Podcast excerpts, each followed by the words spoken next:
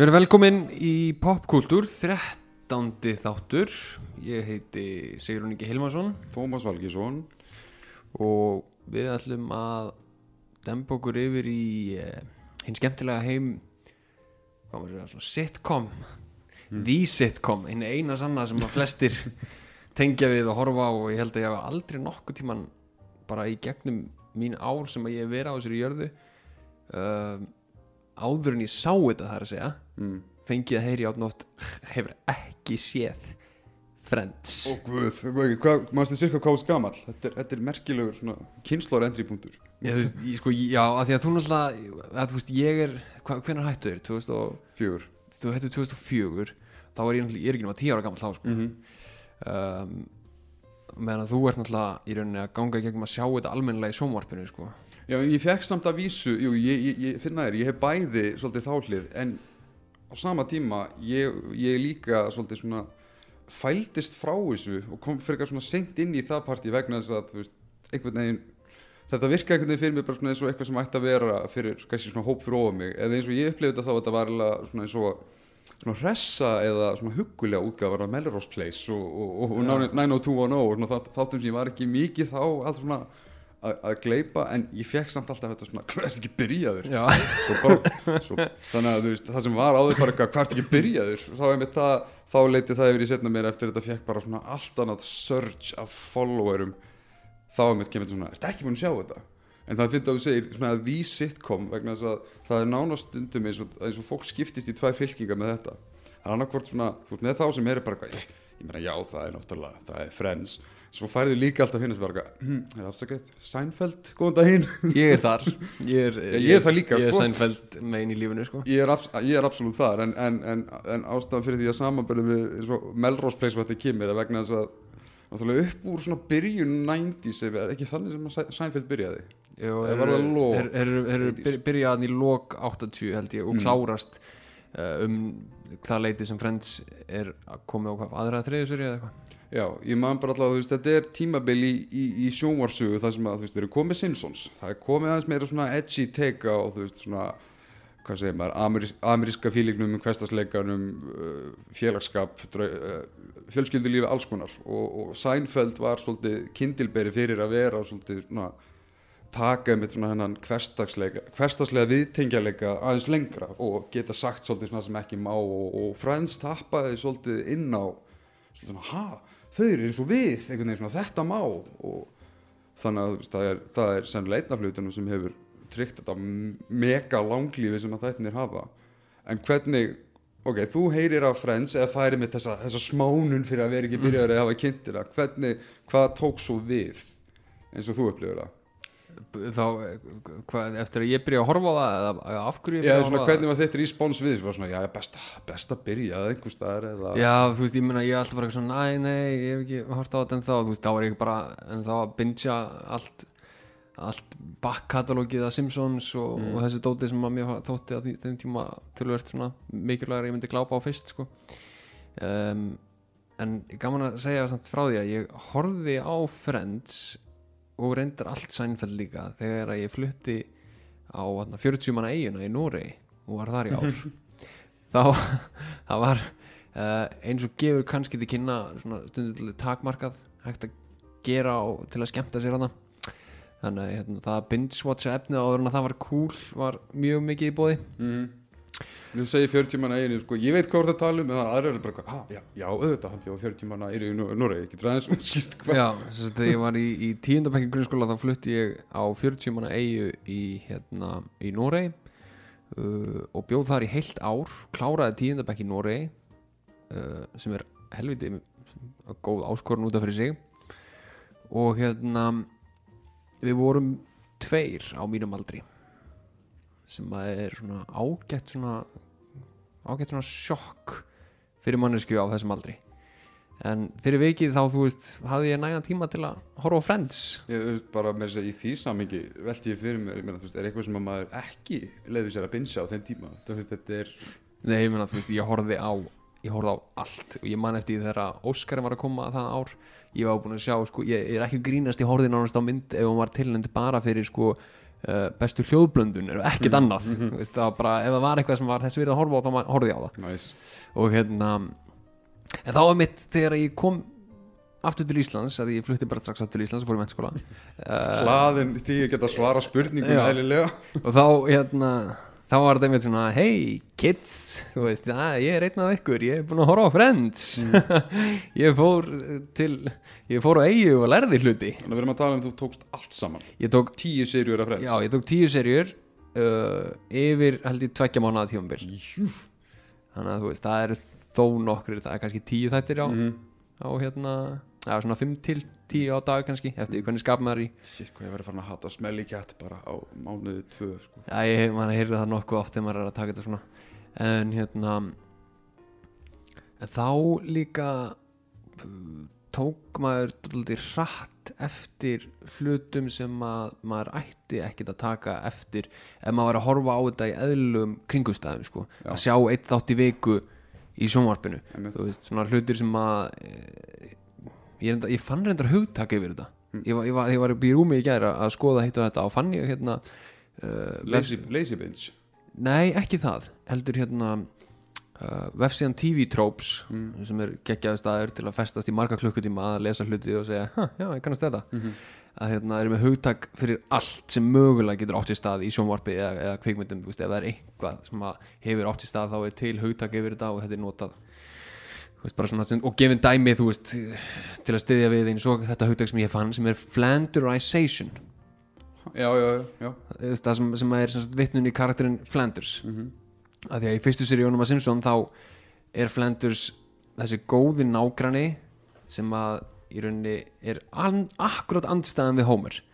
Hann er í góðu starfi, hann er trúaður og hann er svona það sem að hinn idealis amerikani er, er með tvö börn, fallega konu, gott heimili og allt svona Já. framvegis, vill bara svo hefnilega til að hann er trúaður en það er ekkert verið að einblýna það mikið á það sko Mm.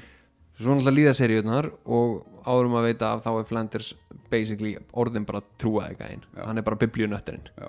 og það er ekkert annað mikið sem er að þú veist, einkina hans persónu, hann er trúaður jú, konan dó náttúrulega börnin hans eru trúaða nöttar og hann er í fáránlega góðu formi já. hann er stupid sexy Flanders Mhm. sem er mjög trúaður og þetta, einmitt, þetta Flanderization er rosalega algengt í svona, sérstaklega svona sitcom þáttum það sem að þú veist, eitt karakter er kannski gáðaður og, og það bara virkar og fær ágætan hlátur og svo þrem seríum setna þá er hann allt í norðin bara, þú veist, Einstein Wonder Child sko. en það er einmitt andstæðan við það er, er þú veist, Joey þannig að flanderization, svo ég skilir rétt þetta er bara, er þetta bara algilda hugtækið yfir þegar þú byrja með karakter sem er eitthvað ákveðið og svo bara í gegnum vinsaldir og tíma þá er hann ekkert nema það. Já, bara ba- fyrir húmórin. þannig að, Barney Stinson til dæmis er hann flanderisaður út af því að hann byrjaði sem svolítið svona einhliða típa og sérstaklega Joey er unni einhver leiti Chandler líka það sem að þetta er bara hvað fíla fólkið. Hann fílar veist, þess og, þessa línur og, og þetta, þetta einkinni með ekki tilliti þess að þú veist, þú ert að byggja upp eitthvað eðlilegt, uh, mannlegt continuity að þetta bara, þú ert að strýpa niður allan, allan mannu frá karakterinum yfir í veist, trúð, já, ba- basically. Þannig að, er, þannig að Flanderization er svolítið Já, það var, henni mjög góð útskýring á þessu var svo að ef þú ert með grínþátt uh, þá kistu, ef þú ert að flanderization að karakterinn sem þá kistu frekar að fara þá leið sem gefið fleiri hérna, hlátra Aha. heldur en að þróa persónuna sjálfa. Já, nákvæmlega. Þannig að þú, þú ef, að, ef að eins og það að eins og hún nefndi Barney að hann vill ekki segja hvað hann gerir í vinnunni. Já, Uh, það breytist náttúrulega hratt yfir í til dæmis setnaða seríunum að hann er alltaf komið meira vald heldur en fórsetin í Fraklandi Mhm. uh, en hann veit, veit samt ekki hvað hann gerir mm veist, og, og hérna Marshall fyrir að vinna í sama fyrirtæki og hann en hann veit samt ekki hvað Barney gerir skilur, og það er gett mikið verið að hlæja yfir því á skrifstofunni og, og Marshall pr pr pröfar að spyrja aðra á skrifstofunni þú veist, ei, hvað gerir Barney og þeir bara, "Huh, puh, eitthvað svar ekki og veit ekki og uh, og það er með, þú veist, eins og Joey verður náttúrulega bara eins og maður tekur eftir þannig séð að, þú veist, hann verður bara heimskar og heimskar og heimskar með hverju serju já. Alveg eiginlega fram að punktinu það sem hann er orðið bara svolítið græmiti af sjálfur sér sko. og það verður mjög skýrt þegar hann fær sín eigin spin-off serju já, sem ég fannst alltaf svo grillað að vara einu svona í spilólum sko, hérna, og frá minni upplifun þegar Friends var í spilun þá var þetta svona, ég man hvað þetta var stert hugguna meðal fyrir kjarnahópin það er bara svona, æ, þetta er búið. Þetta er alltaf læg, Joey sér ég að vera er og við, við fáum alltaf að Joey og, og ég man bara hvað mikið í bara heimspressunni verið að innbrá þetta að, veist, að það væri allavega þetta handa við hotnið og veist, kastið og fengið saman í spjallætti og hvernig er að kveðja hvort annað þetta og þá segir David Swimmer sem leikur Ross til þess bara, "Æ, þetta er allt í góð, ég, ég, ég, ég mér sér að spáði leikstýra nokkrum þáttum. Og það verður svona alltaf þessi litla svona DNA-tenging sem svona bara var ekki neitt, Joey var usl en, en, en, en, en Friends út af fyrir sig er náttúrulega mjög aðteglisverð þróun. Bæði líka bara svona hvernig amirist sitcom var einmitt að þróa svona eins og komum inn á þetta fór að vera aðeins meira svona ég myndi aldrei kannski kalla Friends edgy þannig séð en þetta allavega samt opnaði fyrir topikum sem að var ekki mikið verið að ræðum og, og bjóð til svona einhvern veginn dýnamík sem að já, fólk bara af gefinni kynsla kom, já, þetta, þetta er svolítið ég. Og nánast kom af stað veist, þetta hefur örgulega verið síðan dögum Happy Days sker ég ráð fyrir en, en allavega veist, svona, af, af þeim kynnslóðum sem við höfum upplifað þetta kom svolítið af stað svona, æ þú ert svona Phoebe æ þú ert svona greinlega Ross í hópnum. Skilur, og, og meiri sem er Sex and the City og þannig setna mér, að þú ert mikið Carrie og þú þetta. Og, en út af því að þú ert með svo skýrt nánast svona skrýpalega teiknað upp karaktera sérstaklega því lengur sem líður á í Friends að það gerir svo auðvelt að einhvern veginn bóksa því svona ertu hinn, hinn eða þessi? En Joey sérstaklega eins og hún nefnir er mjög abstrakt fyndið dæmi. Ef þú myndir til dæmis bara gera tilraun á mannesku að horfa á pilotin og horfa svo senasta þáttin nákvæmlega. Bara þú veist út frá já þú veist við að sjálfsögðu breytum svolítið með aldrinum en þetta er eitthvað allt, allt annað. Já, hann fer frá því að vera sko svona ítalskur einhvern já, basi basically, hann er, hann er ítalskur höng sem að er svona hann er ekki, hann er ekki vittlaus, hann er bara svona hvað maður segja, svona næf já, þú veist, hann er bara svona, hann er meira trúgjarn og þú veist, hann vill vera leikari og þú veist, hann er góður með dömunum. Yfir í það að í seinustu seríunni er hann, sko, það er eins og hann hafi dottið á hausinn sem bann og hann er meiri sem að eiginlega hættur að ná að pikka upp dömur af því að hann er svo vittlust, það er meira verið að gera grína í heldur en að hann já, og, og, og sama með, með leikaraferilin þú, þú finnur allavega fyrir því í fyrri serjunum að það er áþreifanleiki fyrir því að hann tekur starfið sín alvarlega. Veist, hann er geðið peppaður í áverðnapröfur hann er að gera hitt og þetta og séðan í leikritum. Ég menn hann leik mér þess að þú veist Freud titil hlutverka Já, já. í seríu ég held að vera seríu 1 já, frekar en 2 en það sem ég mani þegar að hugsa bara hei, hann, hann þurfti að læra veist, örugglega 90 mínútur lámark verið af línum, skilur, svo þegar sérðan vera þarna í setni seríunum þetta er bara svona ok, þú veist, hann, er ekki einu svona hérna, að viðhalda ein, einu frasa hérna í skilur, þú veist svona innan gæðslega bara sjálflæriður leikari og þú veist, og ég meina, mér þess að krakkinni fann að bölvunum að við hlæjum öll svolítið með þessu en, ég meina, en, en ef ég mynda ummyggju fyrir karakterinn frá, frá fyrstu seríu. Mér finnst þetta að vera svolítið, svolítið svik. Svona, þetta er ekki bara hashtag, þetta er ekki minn Joey. Já, eiginlega allir þannig sko. Uh, en það er samt sem að þá hérna ég meina þú veist þetta gaf okkur alveg svona good laughs í gegnum árin en uh, ég held að eitt af því fyndnasta sem að nokkuð tímann hefur komið út úr Friends er þegar að Phoebe er einmitt að fact-checka ferilskránans. Já, fyrir leikaraferilnas í þættinu með sem er að læra frönsku. Já. Og hann skrifaði á félagsgrána sína að hann geti drukkið gallona mjólk á undir 30 sekundum eða eitthvað. Og hann eitthvað, ég get sannað fyrir þér. Og grípur hann mjólkin á rískátnum og hellir henni yfir sig allan. Það, það finnst mér vera akkurat sá staður það sem að svona Joey komst til á, á góðan stað. Hann var ekki á vitlaus, ekki á þú veist, einhvern veginn eins og hann var í seinustu seríunum allavega en svo eftir það þá bara einhvern veginn En hann var samt dörlega heimskur í samingi þeirra senu, hann er að, er bókslega styrta Já, mjölkin já. yfir sig og, og þetta sýnir meiri sér hvað Phoebe er komið jafn langt í, í sínum karakter og heimsku hennar, Já, hún, er bara, hún- hún er bara, vá, vel gert. Já, hún verður einmitt líka, hún verður líka vittlisari sko, með, með hvernig þættinu sem liður Já, veist, ok, að, förum aðeins í gegnum þetta, þetta er náttúrulega, væntalega þekkja flesti til, til, til, þessara þátt að einhverju leiti og meiri sér get ímynda mér að bara út frá svona kynnslóðspannu og hæpinu að það er bara mjög sterkur anti-friends hópur sem er bara eitthvað ekki minnast á þetta skilur og svona þannig. Og, og ég tók eftir fyrir hvert tweet sem ég las sem að fólk var að uh, svona harma þess að Friends er núna tekið af Evróska Netflix núna um áramótin og, og það kom bara allir stormur á tvítum að fólk er bara æ, ennleðilegt, æ, ó, nú veit hvað ég er að fara að gera um jólin. Þú veist, fyrir, fyrir hvert, eh, hver fjögur slík þá var alltaf veit svona, ég veit núna hvað ég er ekki að gera. En þetta er svo, fyrir utan það hvað þetta er alltaf sniðuð trikk hjá Netflix að koma, herðu, síðasti séns. Já, og, og fólk sem, þú veist, var ekki eins og með Friends af radarnum sínum, sko, það var bara svona, herri, já og þetta er kannski fólk sem, veist, horfir á þetta svona annars lægið, mhm. Það var svona en til að fara aðeins í gegnum þetta þá, veist, þetta eru, þetta eru sex menningar, skilur, ert með uh, þrjástráka, þrjástelpur, það er Ross, Chandler og Joey, svo ertu með Phoebe, Monica og Rachel. Og mér skilst það í, við upphaf, eða svona við, við, við upphaflegu gerð þáttana, það átti fyrst að sentra alveg á Ross Þætni voru svolítið svona, mér er fyrsta lagi að koma alls konar heimskulegi titlar upp eins og að kalla þetta Insomnia Café og eitthvað og þetta átti að vera svolítið svona um Ross og, og vini hans, svona Ross og vini Ross and Friends. Og þú sér það pínu á fyrstu seríunni, þetta er rosalega svolítið svona hans svona kon konfliktar eru mjög sterkir í gegnumgangandi. Já, náttúrulega fyrsta serían er náttúrulega hann að hætta með konunni sinni. Mm við fáum að sjá tölvört meira í starfið hans. -hmm. förum actually á starfstöðina og svo sjáum hann í vinnunni og eitthvað og hérna hann verður ástofngin af Rachel Mhm. sem er náttúrulega aðal sögþráin í fyrstu seríunni þannig að þú veist það, já, meikar alveg fullkomni sens. Ofan að það náttúrulega að ég fæ skjót inn í að Ross eða hérna David Swimmer hann náttúrulega átti að fá svo launahækun en, Mm. og bara hann. Eða vera þú veist að tölvöld launahæri heldur en hinnir og hann tók í rauninni öll þau sex saman og sagði við fáum öll þennan pening. Ég vissi þetta ekki, þetta er gott. Þannig að þau enduð á því að vera jafn launahá í gegnum alla tíu seriðar þau byggur henni til lítið svona stjættafélag, friends já, stjættafélag já.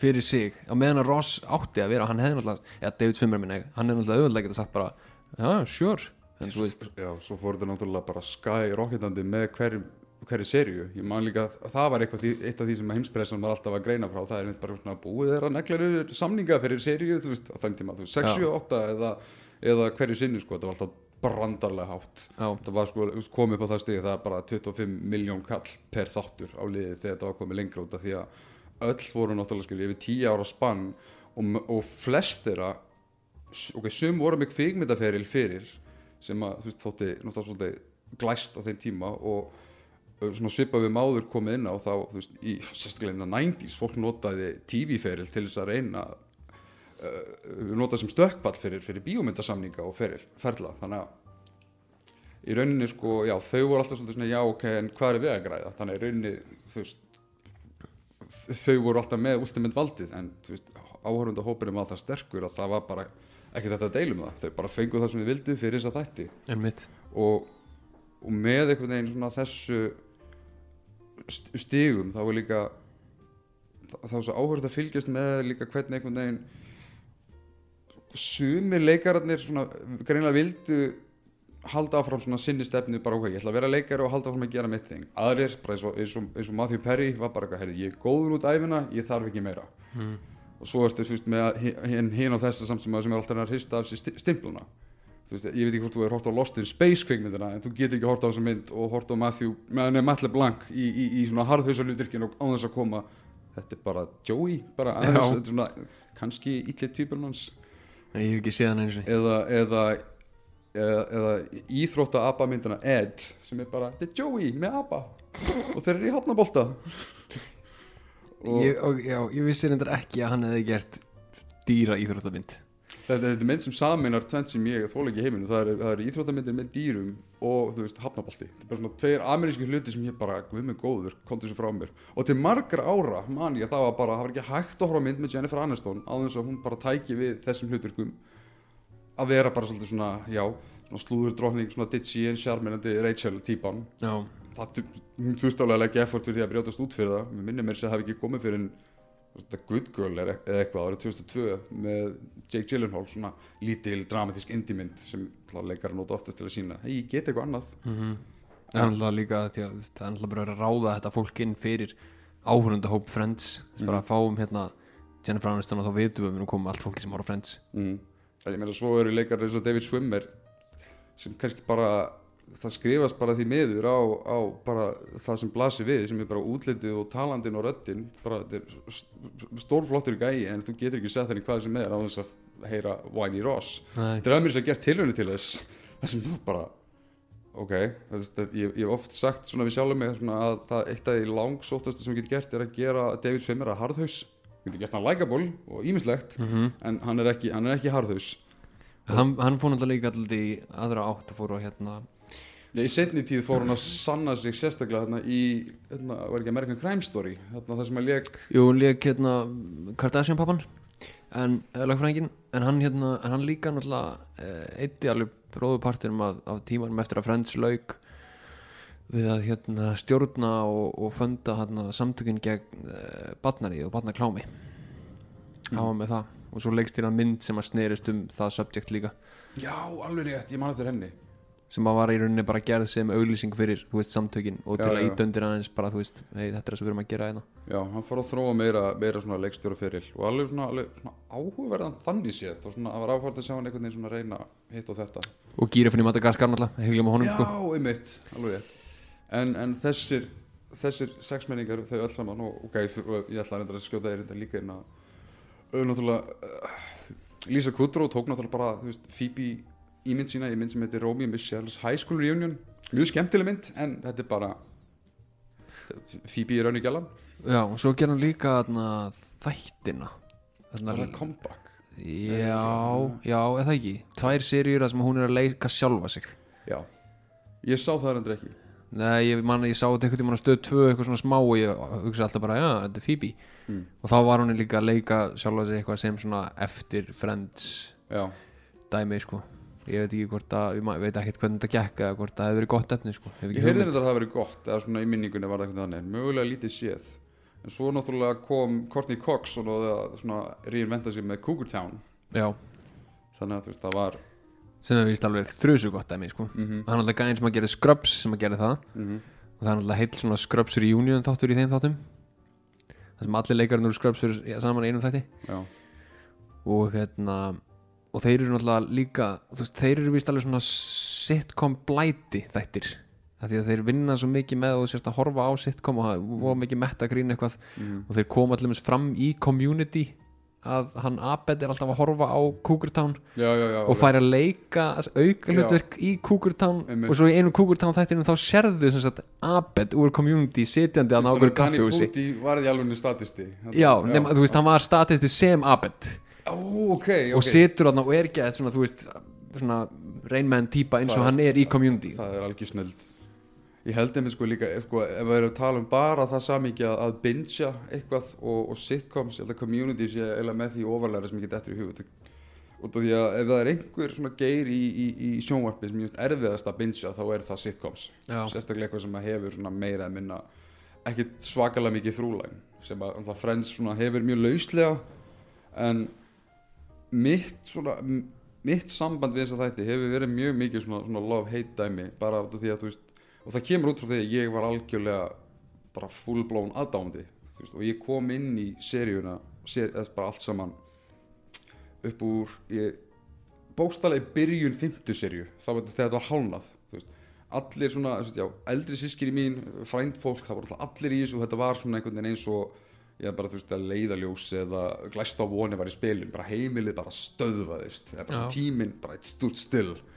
Svo einhvern veginn svona, já, út af því að þeir voru mjög du- duglegir alltaf á vídeolögum að að flagga því að veist, það var bara spólur skil alltaf með fjórum þáttum í einu og bara ef er eitthvað sumar þá er við bara já, ég ætla bara að catch up og ég var alveg límdur. Og út af því að ég mani með það sem, það sem olli því að ég var þetta límdur það var bara þetta veraldar sjokk sem að heimurinn fór í þegar þannig að já, serið fjögur enda með því að, að Ross stendur við alltarið fyrir fram hann Emily karakterinn og hann segir villu snabb. Og, þessi þættir mig eiga það þeir, eru, þeir hafa verið mjög bæði klókir og líka svolítið hálfvitalegir með hvernig þeir höndla kliffhengera Mhm. en, þú veist, en þetta var allavega veist, já, ég maður bara að það var sjokk bylgja um veist, bara fjölskylduna og vina fólk einhvern veginn bara svona, oh my god, hvernig verður næsta serið ég er bara, fuck it, ég ætla að vera með. En þá er mitt og, og incidentally því eldri sem ég varð því meira tók ég eftir því að svona, ok, þarna byrjaði frensið mitt að vera umulagt svona með, eða svona hægt og rólega. Það hefur svona spretti. En mér í dag finnst sem svona batsins tíma mér finnst serið 1-4 bara legit vera frábær frábærar.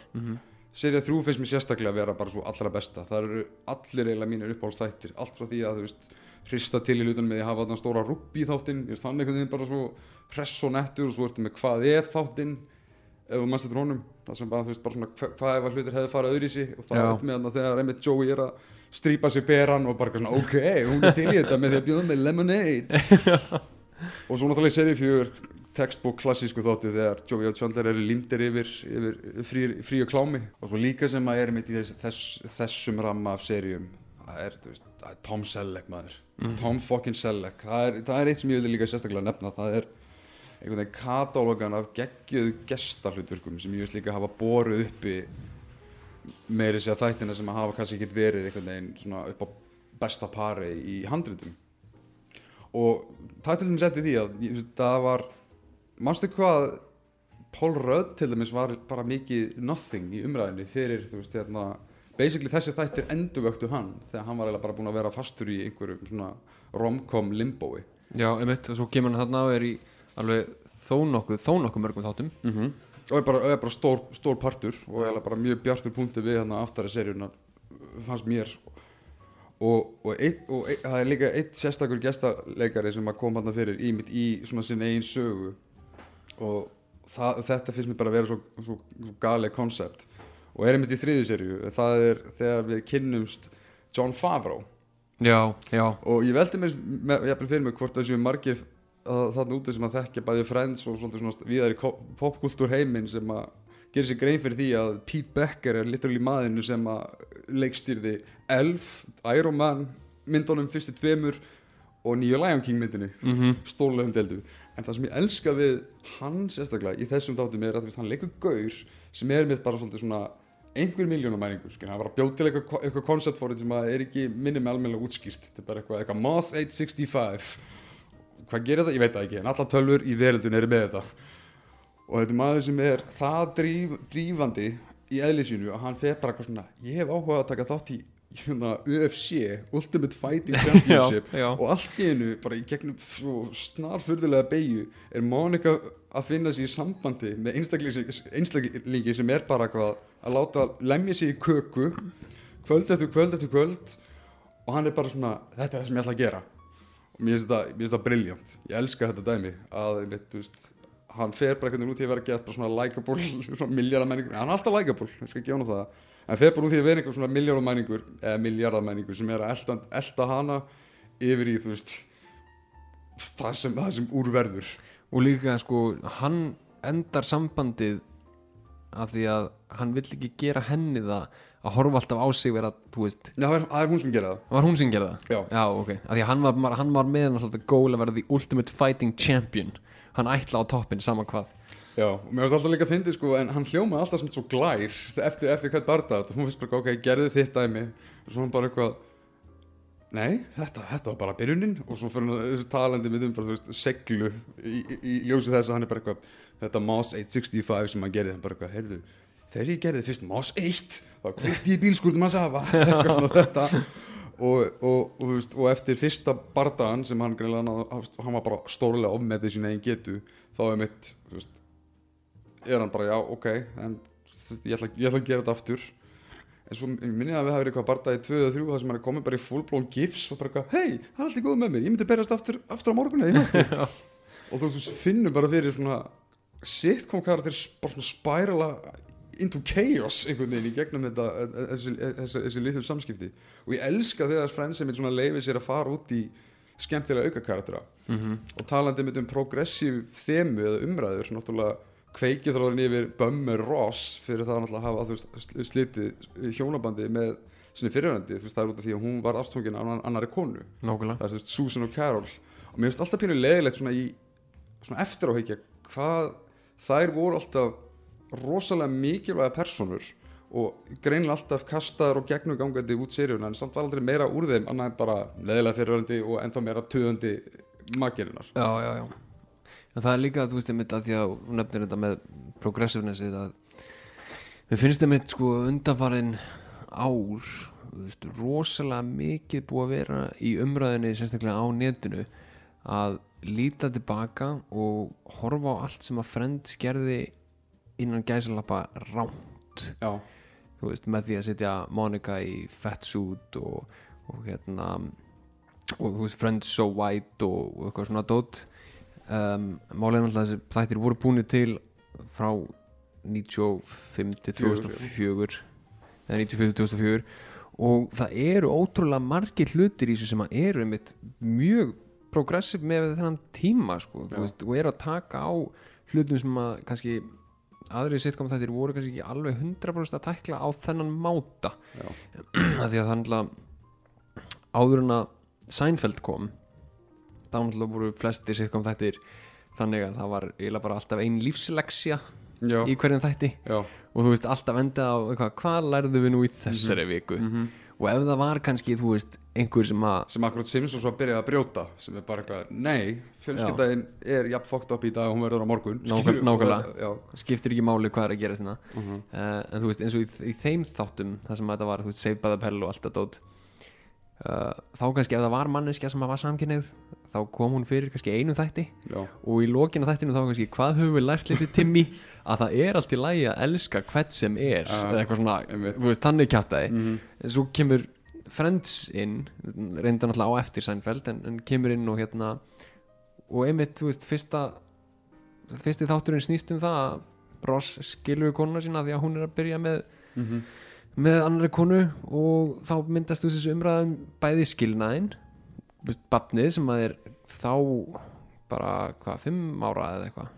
Er er það ekki, er það Nei, yngra? barnið var ekki fætt batnið var ekki, hún var ólétt já. skildi við Einmitt. alveg, sem var alveg þungt dæmi á þessum tíma myndi ég gera en, einmitt, nákvæmlega, hann skilur við hann að hún er ólétt hún byrja með annari konu. Þau þurfa að ala upp batnið í þessu svona núltíma modern family móti sko.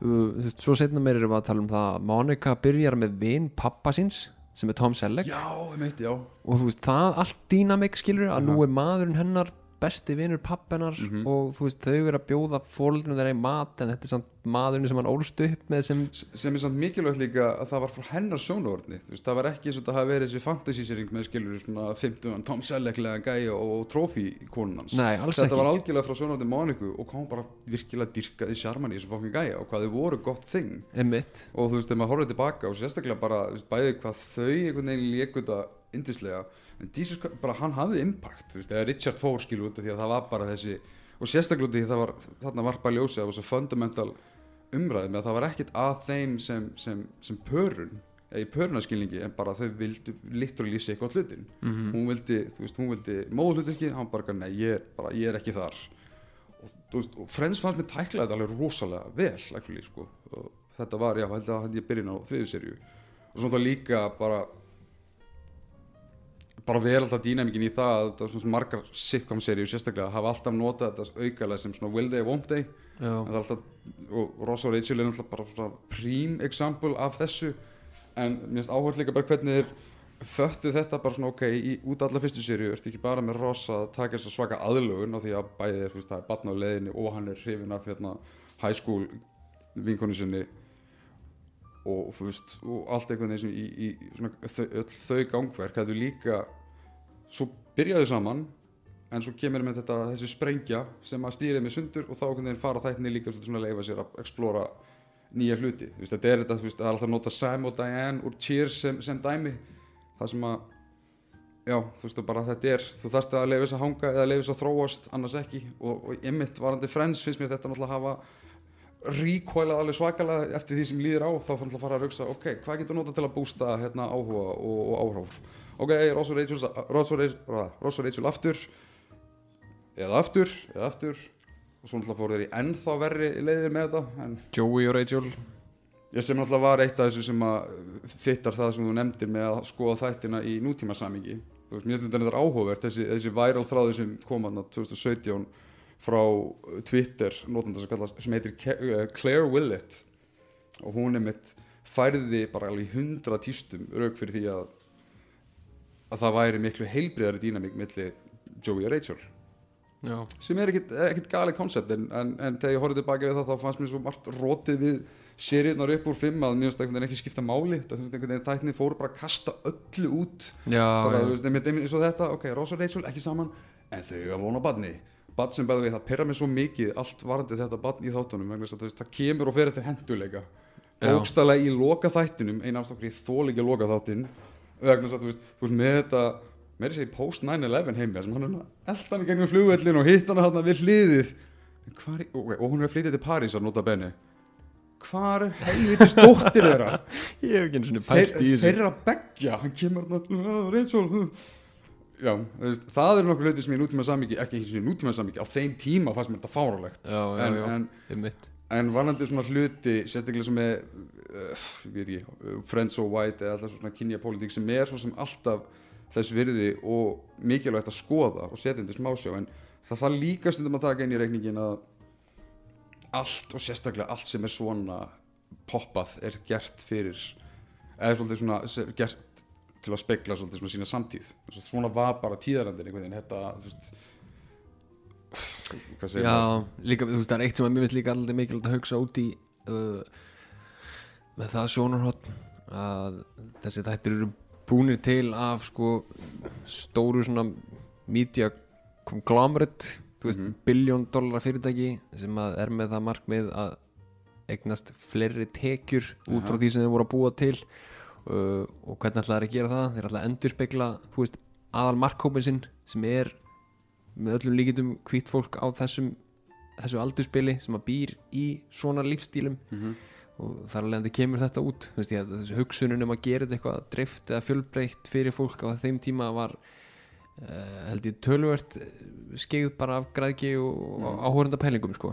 Sko ég er náttúrulega þar að mér finnst alltaf bara fáralegt almennt að, að við þurfum einu svona pæli því að, veist, að, að þessi vera að hólfa fólk eða minnilöta eitthvað svona út frá þessu samíki en, en þetta er náttúrulega bara svolítið þessi supply and demand umræða vegna þess að það er út af svona hálfvita hugsun sem leiti þess að það er fjöldi verkefna og kvikmynda meir sem að bara þóttu og friski vegna þess að manneskinni aðluturkinu var veist af asískum uppruna eða veist þetta er alltaf bara rammar sem að átt aldrei að skapast til að byrja með en Nei, Fokk, meina við við, erum þar við, við tókum meira þess að eitt dæmi hérna, í öðrum þætti Mm. sem er bara glænýtt frá því fyrra þegar að Disney klifti hérna hann Finn af Star Wars plakatinu fyrir kínamarkað. Já, alveg rétt. Þú veist, þeir fjarlæðu svartumanneskuna af plakatinu svo að kynverjar eru þau hrifnari af, Já, af plakatinu. Þú veist að því að þeir voru bara búin að sjá það að market rannsóknin síndi að kynverjar, kynverski markasópurinn sem er resastóri kvikmynda heiminum í dag hafði ekki áhuga því að sjá Finn hann framan á.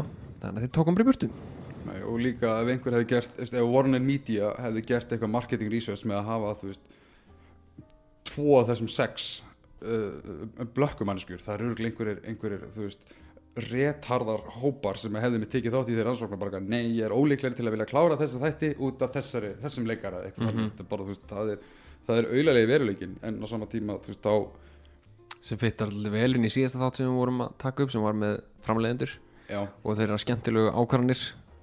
Hvernig það lita alltaf bara eins og þetta Já, og, og versta er eða, leiðilega svona ég veit ekki íslensk orðið er Ouroboros svona ormur sem getur, eða snákur sem getur skott eða sjálfum sér, en mikilvægt er náttúrulega að hugsa líka, það er ekki alltaf bara framleiðandinn, trademark sem er illur og, og, og með þessa ásendinga þetta náttúrulega er, þetta kemur út frá bara hvað er heitt eða ekki heitt eða hitta mál og bara svona já, hvernig getum við hnóðað þetta? Það er það sem Warner Media hugsa um. Hvernig getum við hnóðað þetta í þetta og einhver tím, einhverjum tímpunkti á þessum tíu árum eða mörgum hafa framleiðendur stoppa og hugsa ok, við getum tekið karakterina í þessa átt en þú veist, fólki vil þetta. Fólk vil bara, skilur, fólk er að dyrka hérna Chandler og Monika og, og ok, fólk fílar það þegar Monika er rosalega, rosalega stjórnsum fólk fílar það, þú veist, bara svona en einmitt þegar þú skoðar þetta bæði út frá því sem að þetta stilla sjálfur upp út frá karaktersamingi eins og ég líka horfa á þetta í dag það er einmitt þetta bara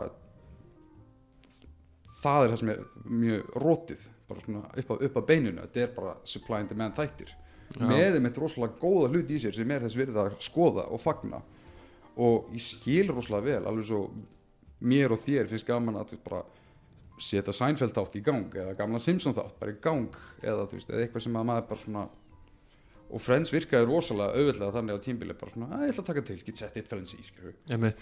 Og, en svo svona, já, eftir því sem ég skreiður úlínsárið þá var ég meira svona, já, helst ekki þáttu Sirius 6 eða 7 eða 8 átti því bara svona, mér fannst þeir bara vera allt of ódýrir í því hvert þeir voru að rýtsa hvað þeir voru að ná og ég er einmitt þar líka þú veist, eftir svona serja 7, 8, 9 þar ég er ekki að setja þætti úr þeim serjum í ganga ef ég vil sjá eitt frends þátt sko. Nei, þar finnur líka fyrir svona þessum mekanisma á svona, það er bara, ok hvað veist, það er ekki, hvað, hvað eru karakterinn að gera, það hvað er situationið? Ó, þetta er svo grillað, ó, þetta er þetta veist, man, og, og út frá því spinnast aðstæður sem eru bara það hálfvitalega skrifaðar að ég bara get ekki keifta þær út frá persónusamíki og eitt skýrtaði mig þar er brandari sem ég fílaði rosalega mikið þegar ég var yngri og finnst svona í eðlísinu fyndin en það er eins og þegar Monica kemur inn á Chandler og hún gerir hann sé að runga sér yfir, yfir hákalla klámi Já, einmitt.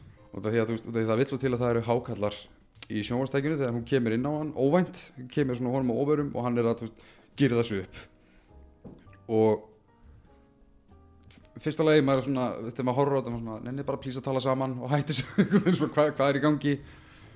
En, veist, en það skapar ekki einmitt þetta svona, vitn, svona witty farsan en, en, þetta, er, þetta er rauninni aðstæða sem er búin til út af því að karakterinn tala ekki saman sko. Já, eða þetta er meira bara svona, ég, ég sé fyrir mig handriðsfelli bara, ok, ég fekk rosalega að finna hugmynd hvernig getur byggt allt annað upp í kringu það, jafnvel þótt að gera alla karaktera að, veist, að fýblum.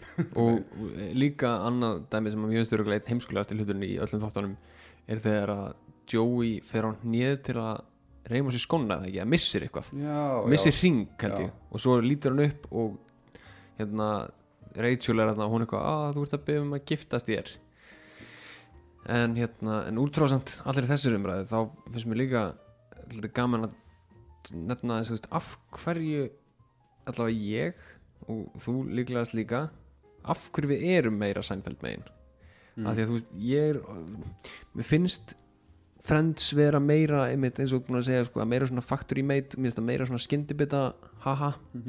En Seinfeld gerði hluti á sínum tíma sem að voru, hefðu bara aldrei nokkuð tíma verið gerðir Nei, og snerta svolítið svona á mannlega elementi sem að sitcoms bara gerði ekki. já, það er bara aldrei nokkuð tíman hefur svona þáttur komið út á þeim tíma og það er líka eina ástæðin fyrir því að fyrsta serían er líka bara sex þættir Mhm. þú veist, þeir bókstala sögðu já við sex þáttum stúdíóið og sagði þið fáið ekki meira en þetta en við sjáum hvernig það kemur ljós Serja 2 er fá leiðu fyrir 10 þáttum þar það er ekki einu svona ganga það vel sko. Mhm. og svo einhvern veginn bara náðu þetta sem betur fyrir að catch on og held áfram.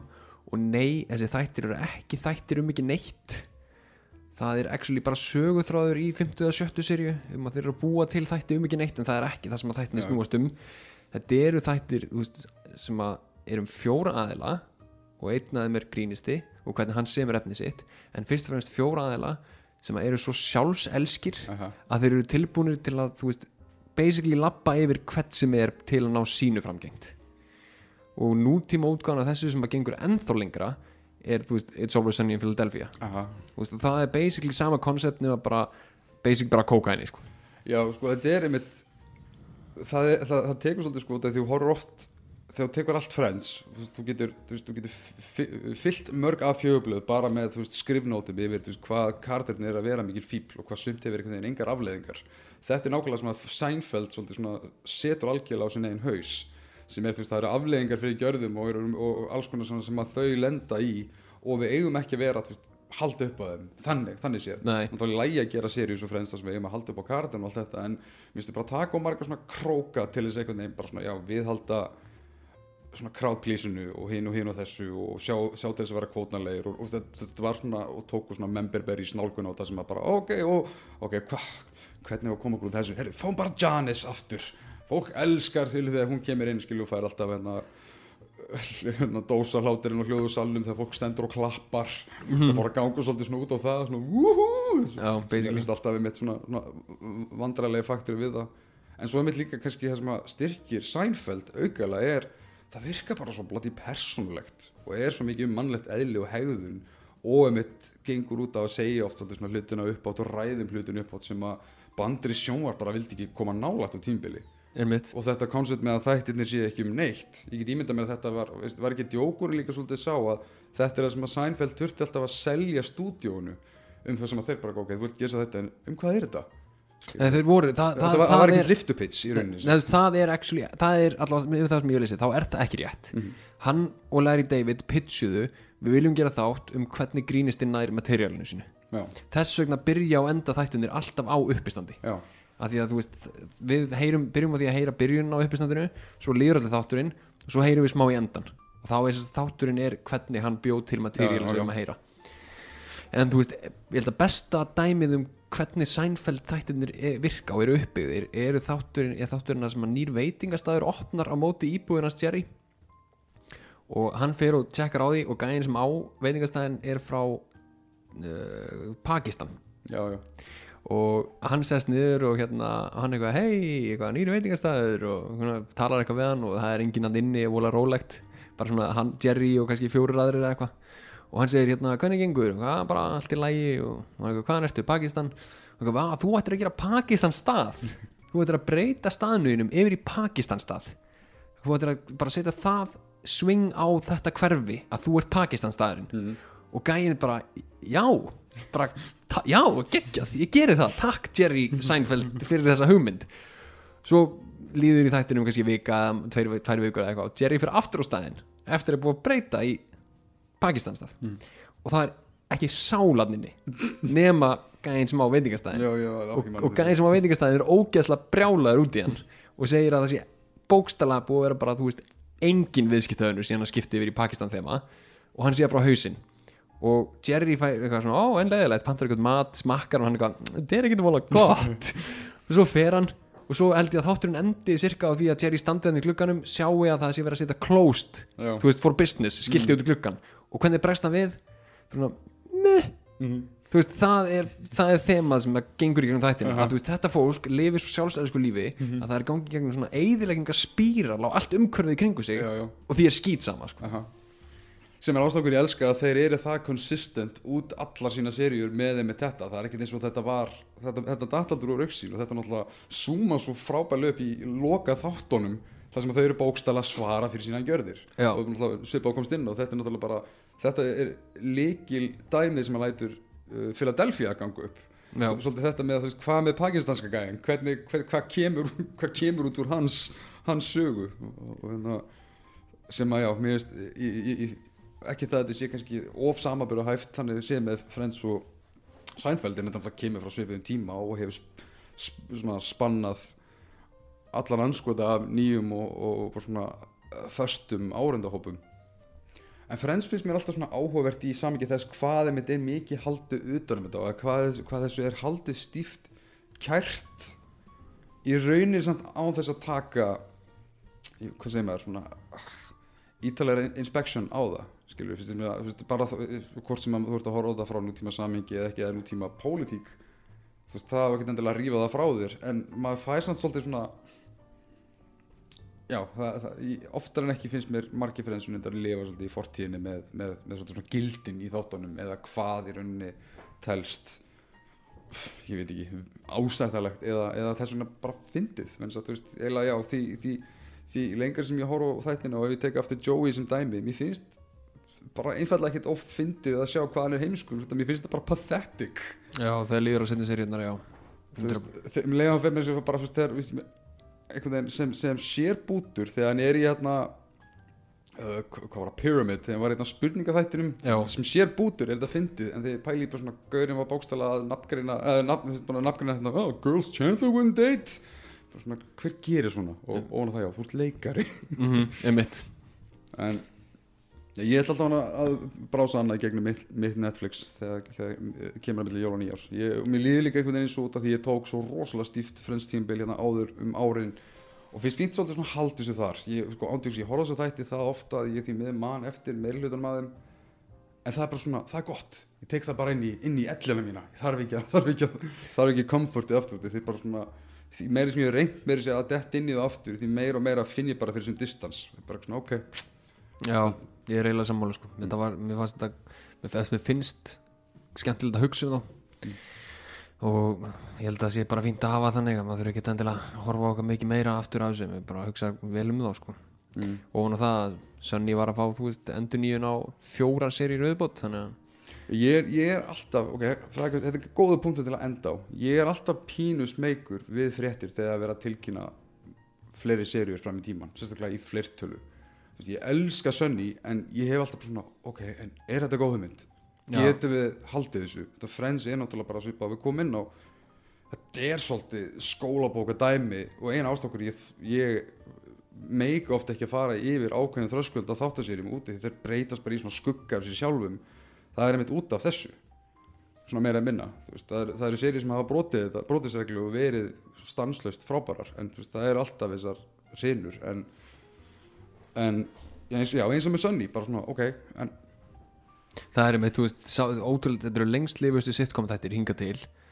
Uh, Það eru hvað, 13 serjur og upp að þessu tímabili er þeir ekki orðnir, þú veist, svona skuggi af því sem þeir voru Nei. áður. Um, Þeir meiri sér að tóku og gerðu þátt nýlega um svona market hope sem við vorum að tala um í framlegandi þáttunum ó, Þú veist, varst það ekki búin að sjá það? ég er ekki búin að sjá sko, ég, ok, ég, ætla, ég ætla að bæta við, ég hef ekkert séð neitt umfram tíundu séri á Sunny. Já, ok. Ég er auðvitað að gera mig mikinn ógreða en ég man bara, þetta er frábært, vil ég halda áfram? En það er bara fínt á eiga á eftir. Já, þetta er nefnilega, þetta er ennþá gott stöf sko. Og hérna, þá fá þeir að sjá nýju Thundergun myndina. Mm. og einhver framlegandi pikkar í þá eitthvað svona og segir, hérna, vil ég sjá nýju Thundergun myndina? Og þau eru kölluð inn og þau hata hana. Og svo er allur þátturinn basically manneskjan, markasmanneskjan að tala við þau um hvað þau myndu gera öðruvísi Aha. og það er eiginlega, þú veist, andla svo mikið í Sunny, þau fór andla svo mikið frelsi til að gera hvað sem þau vilja, að það er algjörlega þeirra ádela á, þú veist hvernig hlutir eru oft mótaðir og svona kreatív ákvarðanir drefnar já, ekki, ekki. þetta er, þetta er, þetta er gott stöf sko ég mæli með, ef þið hefði ekki hort á Sunny, horfið á það já, alvörunni. absolutt ef það er eitthvað hægt að draga frá þess, þess, þessari svona, svona melankólíska lofsöng á, á Friends sem var og hétt og sérstaklega til að celebrate þetta sem batsins tíma og ég vil ekki taka frá neinum og ég, ég vil líka taka fram ég líti ekki niður til neina sem að elska Friends upp á þessum degi en það er til meira og fleira efni til þess að sjá og leggja minn og eitthvað sem er meira sér hægt að læra aðeins meira af.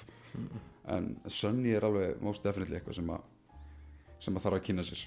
Já, klálega talandi um Svo eitt að lókum ef þið hafið gaman af popkultúr og viljið heyra meira þá endilega hérna hvort þið er að hlusta á Apple Podcast eða Spotify að skella á subscribe og ef þið eruð í góðu skapi gefa fimm stjörnur og sjáum betur. Og þá fáið þið svona lítið notification þegar nýþáttu kemur upp og allir er ánæðari Já, og ég kann líka, ég vil endilega bæta við undir lókin að ég kann sérstaklega meta fólk sem ég oftast þekki ekki neitt sem hefur verið sendið með bein skilabóð messenger endilega halda ég áfram, mér finnst